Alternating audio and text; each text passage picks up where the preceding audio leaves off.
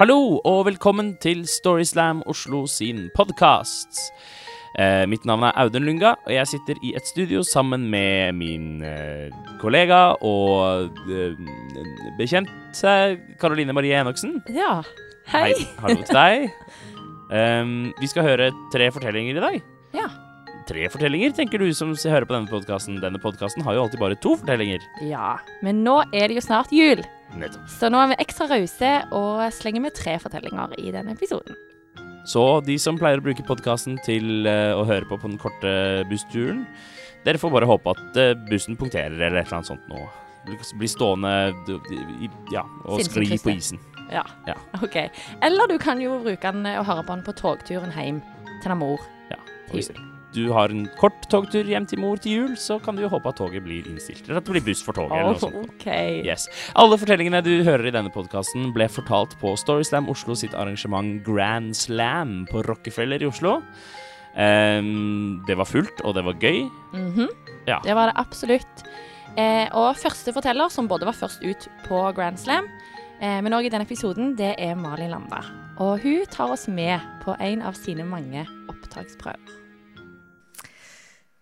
De som kjenner meg, vet at jeg har søkt på Teaterhøgskolen syv ganger. Um, så jeg har opparbeida meg i løpet av alle disse årene en ganske lang erfaring med auditions og dobbel bachelorgrad i avslag fra Teaterhøgskolen. Men starten på denne spennende auditionkarrieren min det var ikke på Teaterhøgskolen. Det var på en skole som den gang het NIS. Um, ja. Jeg var 19 år, gikk siste året på videregående. Eh, på dramalinja, selvfølgelig. Jeg hadde fått gode karakterer i alle dramafag og så skuespillerkarrieren min ganske tydelig foran meg. Jeg skulle gå på Teaterhøgskolen, men jeg søkte på NIS bare sånn i tilfelle jeg ikke skulle komme inn på Teaterhøgskolen på første forsøk. Eh, for det hadde jeg jo hørt at var ganske uvanlig. Så var det noen som hadde fortalt meg at det var lettere å komme inn på NIS. Så jeg skulka skolen og reiste til den store, ukjente byen Oslo. Jeg var blitt anbefalt å gå på en veldig god restaurant som de ikke hadde i Stavanger. Så etter jeg hadde spist på Fridays, så gikk jeg over veien igjen tilbake til Oslo S. Og så overnatta jeg på Scandic Byporten. Og den store dagen starta med hotellfrokost før jeg tok en taxi fra Oslo S til NIS. Um, ja, det var faktisk ikke før jeg skulle skrive ned denne fortellingen at jeg skjønte hvor kort den strekningen der egentlig er. Og at de taxipengene kanskje var litt bortkasta. Men samme det. Det er for seint. Vi var 15 stykk på opptaksprøve den dagen. Og prøven var lagt opp sånn at vi var der en hel dag. Eh, alle samla som gruppe. Eh, og så vi ha, fikk vi forskjellige oppgaver. Noen ting skulle vi gjøre alene, og noen ting skulle vi gjøre i mindre grupper osv. Eh, og jeg følte det hadde gått bra hele dagen. Jeg, eh, jeg bare følte at det var Jeg hadde kanskje ikke fått utmerka meg sånn spesielt fra gruppa. Men siste oppgave skulle gi meg muligheten til det. Det var en dans. Eh, vi skulle lære oss det som de kaller for en enkel koreografi. Eh, og denne dansen skulle vi danse flere ganger foran juryen med forskjellige følelser. Eh, først skulle vi være sint, og så skulle vi være lei oss og forelska og sånn. Og siste gangen så sa koreografen at vi skulle tenke på et dyr. Eh, og det var her jeg så mitt snitt til å skille meg ut. Så jeg tenkte at jeg må for alt i verden nå, så må jeg eh, i hvert fall ikke finne på å velge hund eller katt eller noe sånt lame. Så så her var, til, her var min mulighet til å gi de et innblikk i min kreative hjerne. Og hjernen min den begynte å jobbe, og det gikk ca. ett sekund før jeg hadde bestemt meg for å være dinosaur. Um, dansen starta med at um, alle sto med ryggen til eh, og gikk sånn her.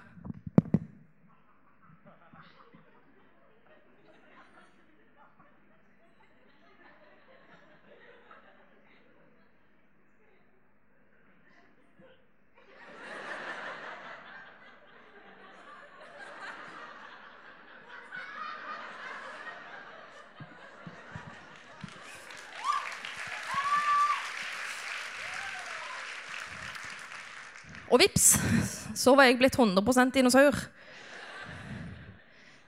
Og jeg, jeg har aldri vært så fokusert før noen gang. Jeg kjente at eh, huden min begynte å bli grønn. Og tennene ble skarpe, og taggene på ryggen begynte å vokse. Og jeg så i sidesynet, fordi dinosaurer de har øynene på siden av hodet. Så jeg fikk ekstra godt sidesyn, så jeg kunne se i sidesynet så så jeg de andre, at alle de andre de var 100% mennesker. Og jeg tenkte bare Herregud, så pinlig! Jeg er jo den eneste som har skjønt oppgaven her. Det her blir for lett. Og denne dansen for meg det ble som en seiersdans i perfekt dinosaurdrakt. Altså, Det var ikke et hint av dyriske bevegelser hos de andre.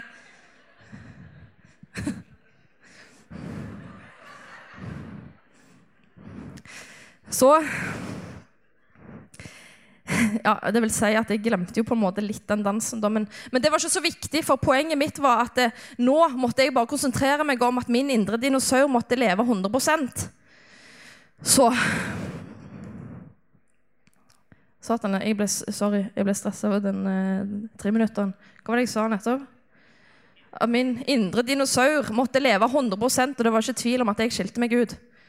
Og jeg kunne kjenne at jeg stjal hele oppmerksomheten i rommet. Og jeg så på juryen med dinosaurblikket mitt og fortalte dem at vi snakker samme språk.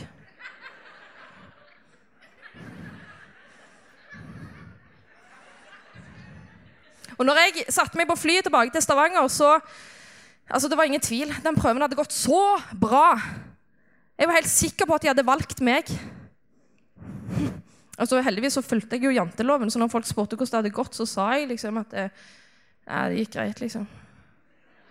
Jeg, ja, de andre var sykt flinke. Jeg aner ikke om jeg kom inn. Det var ikke før jeg fikk en mail der det sto 'Beklager, vi kan ikke tilby deg skoleplass. Søk igjen neste år. Lykke til.' At jeg tenkte at det kanskje var jeg som hadde misforstått den oppgaven. At når koreografen sa at 'tenk på et dyr', så mente hun kanskje ikke 'transformer deg til ett'. Ja, Jeg søkte aldri på NIS igjen. Til vinteren skal jeg søke på Teaterhøgskolen for åttende gang. Ønsker meg lykke til. Takk til Malin Landa. Uh, ja, og i tilfelle dere ikke skjønte det, uh, de punktene hvor Malin ble litt stille i løpet av podkasten, så demonstrerte hun på scenen en veldig, veldig overbevisende dinosaur. Ja, helt klart. Den beste dinosauren jeg uh, har sett. Mm. Mm. Det var det. Neste forteller er Janis Josef. Og han uh, fortalte om dødsangst etter en tur på byen. Hold dere fast. Eh, men da spoler vi tilbake ett år før nå. Eh, november 2015.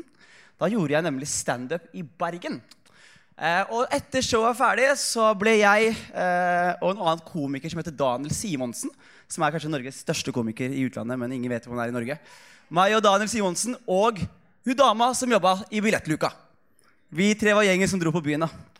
Og så eh, kommer vi til det stedet her, eh, drikker litt, og sånn, og så har jeg en joint i sekken. da. Så jeg er keen på å liksom, få med noe til å røyke under jointen her. Så går jeg bort til Daniel, som er en veldig rar fyr fra før av. for de som vet om Daniel er. Så spør jeg Daniel, skal vi gå ut og ta en joint. Han bare å, jeg kan ikke røyke en joint, da blir jeg rar.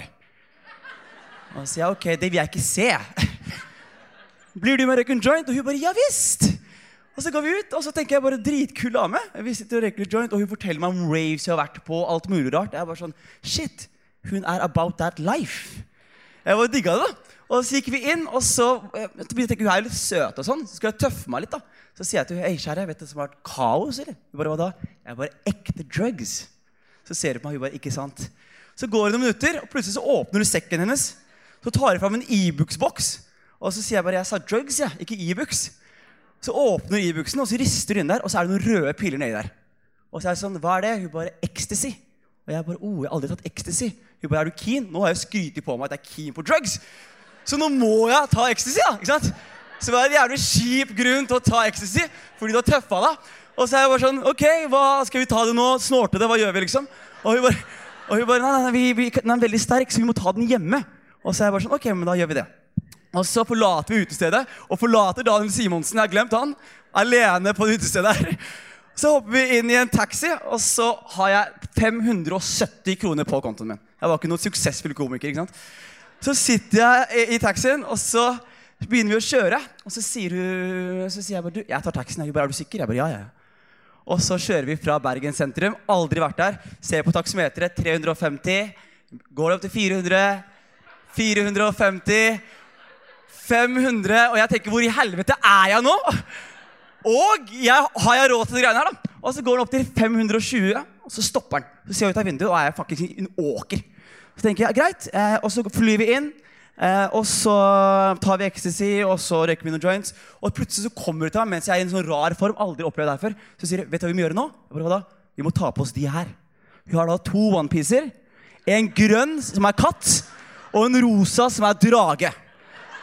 Og jeg føler meg som en mann, så jeg er sånn Selvfølgelig jeg er dragen. Hva faen? Jeg er ikke noen katt, jeg.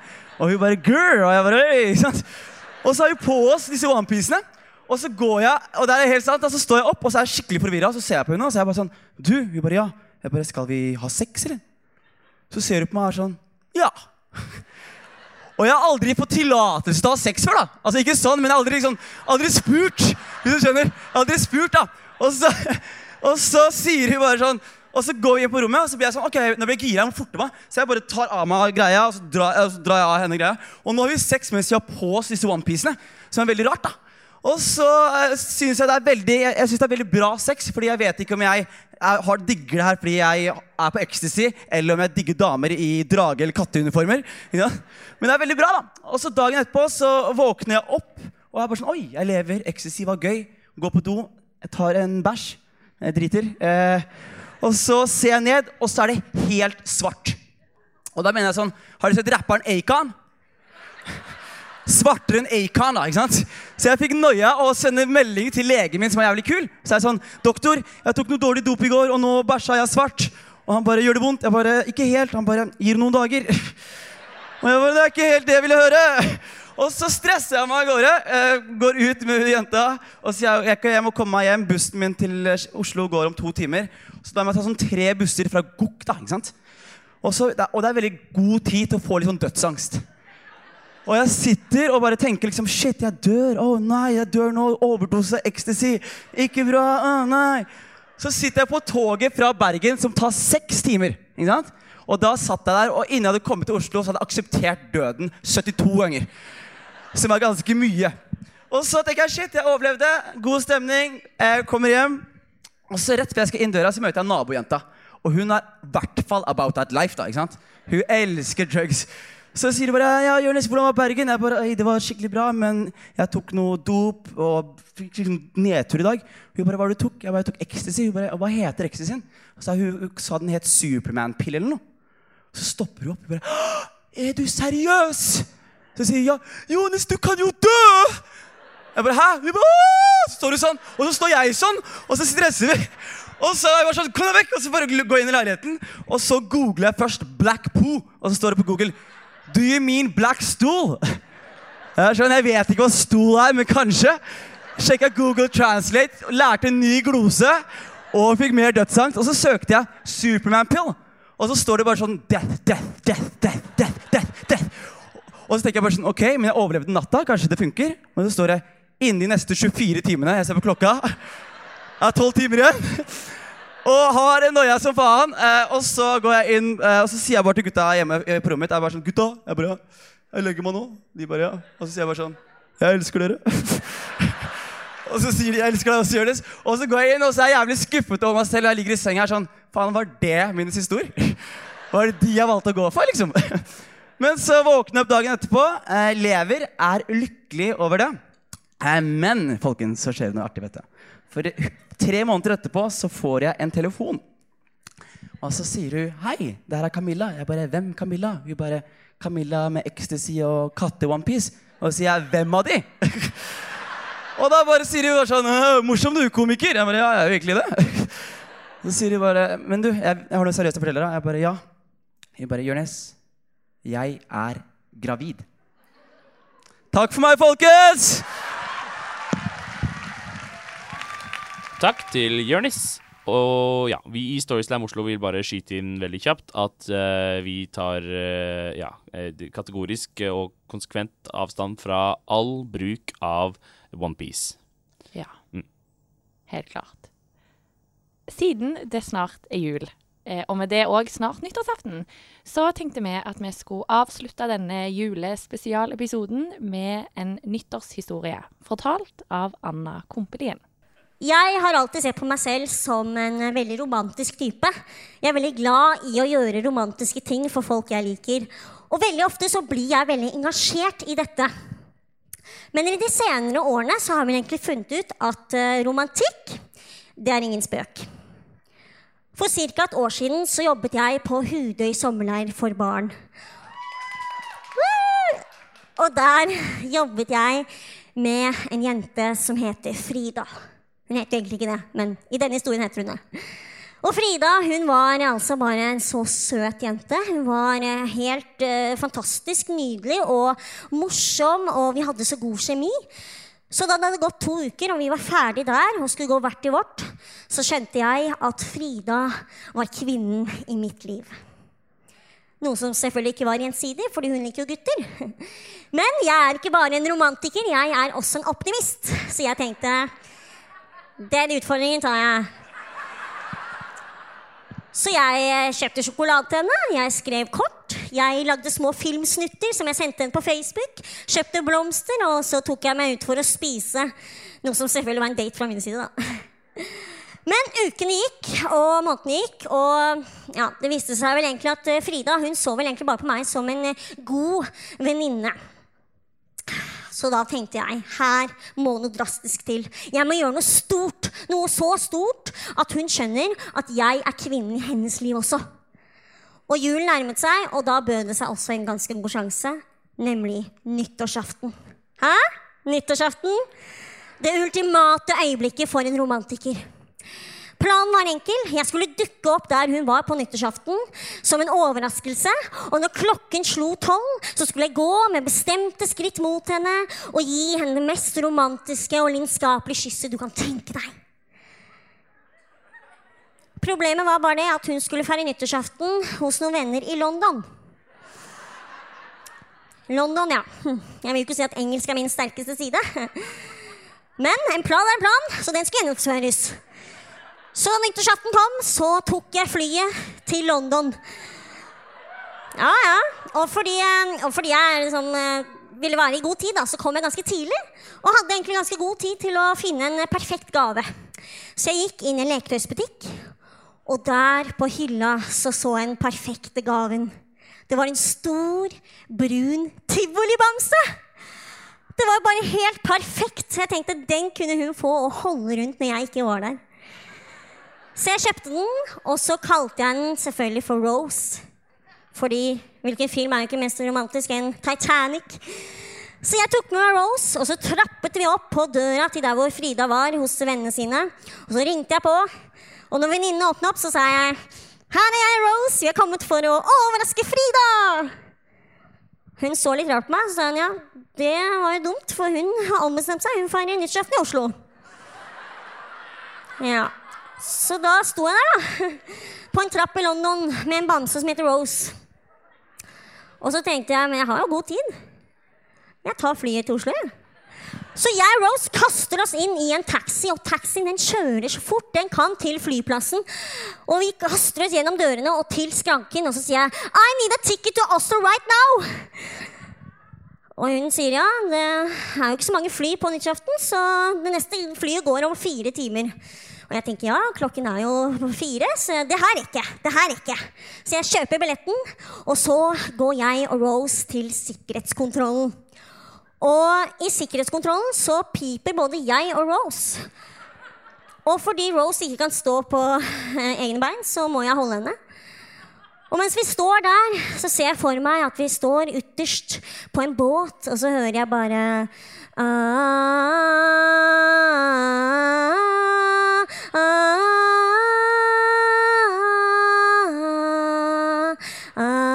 Excuse me, you can go now. Så jeg tok på meg Rose, og så gikk vi videre innover. Og fordi vi hadde så god tid, da, så, så ble vi ganske godt kjent. Eh, Hun fortalte meg da om livet i denne leketøysbutikken som ikke var så mye til et liv. Og syntes det var så fint at jeg hadde kommet og liksom fått den ut i verden. Og, og det var veldig hyggelig. Og så gikk vi på taxfree, og der handlet jeg en, eh, et smykke med sånn hjertesmykke med sånn blå diamant inni. Og, og så la hun seg ned på en benk, og jeg tegna henne. Og veldig detaljert. Ja, veldig fint. Og så skulle vi gå på do. Og på vei til do så ser jeg bare at det står Oslo Gate Closing, og jeg blir så stressa. Jeg tenker «Åh, ok, jeg må forte meg på do. Så jeg går på do, og så løper jeg til flyet. Og så på flyet så skjønner jeg at jeg har glemt Rose på do. Så jeg går bort til eh, flyverten og så sier jeg, excuse me, excuse me, you need to help me. I, I forgot my bear. I have a bear. Uh, it's big and brown. I, I need to pick it up. It's a present. Og så ser han veldig rart på meg og sier You have a bear here? Jeg bare, no, no, it's not real. It's not, uh, it's not alive. It's dead. Or not dead, but it's soft and you can jump on it. And, uh, ja, han skjønner etter hvert at det er en kosebamse, og jeg får lov å løpe til Rose, som sitter da utenfor do. Og jeg tar tak i henne, og vi løper til flyet, og vi setter oss på flyet, og flyet tar oss med til Oslo. Og på Jernbanetorget så ser jeg at klokken er kvart over elleve. Og jeg tenker ok, det her skal jeg rekke. Det her skal Jeg rekke. Jeg har tre kvarter på å vise min store kjærlighet. Så jeg tar tak i armen til Rose, og, og sammen så løper vi oppover gatene mot Grünerløkka. Klokken blir eh, 11.40, og jeg løper og løper, og vi kommer til leiligheten. Og vi kommer opp, og jeg ser at det er masse folk der. Og jeg tenker, hvor er Frida? Hvor er Frida? Men så ser jeg Frida. Ryggen til Frida på balkongen med masse andre folk. Og jeg tenker, nå er sannhetens time kommet. Så jeg tar tak i armen til Rose, og sammen går vi mot Frida. Og når det bare er to meter igjen, det er da det skjer. I sakte film snur Frida seg mot en gutt. Og så begynner de å kline rett foran meg. Og jeg blir så stressa, men det går også opp for meg hva jeg har gjort. Jeg har dratt til England, til London, for å overraske denne jenta på overraskelsesbesøk, for så å ta fly tilbake igjen til Oslo med en bamse på slep. Hun må jo tro at jeg er gal. Og i det øyeblikket jeg tenker det, så ser jeg at hun åpner øynene og ser meg. Og jeg bare blir så stressa og, og, og satt ut av hele situasjonen, og jeg vet ikke helt hva jeg skal gjøre. Så det ender med at jeg snur meg mot Rose og kysser henne.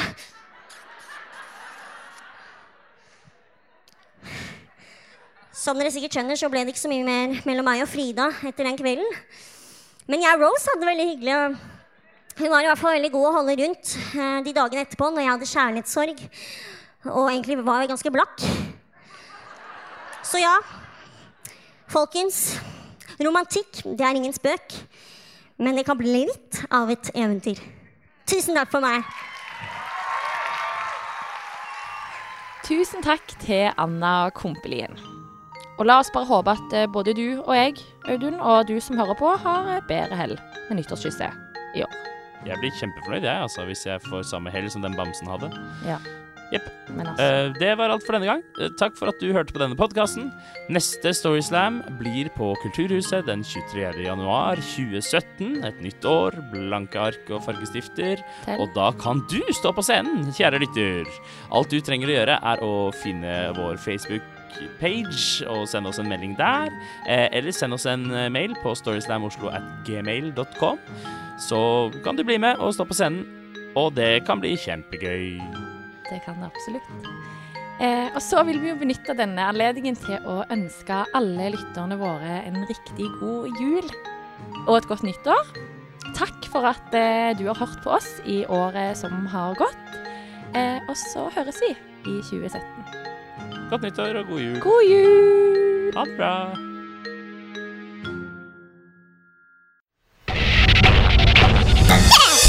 Monster.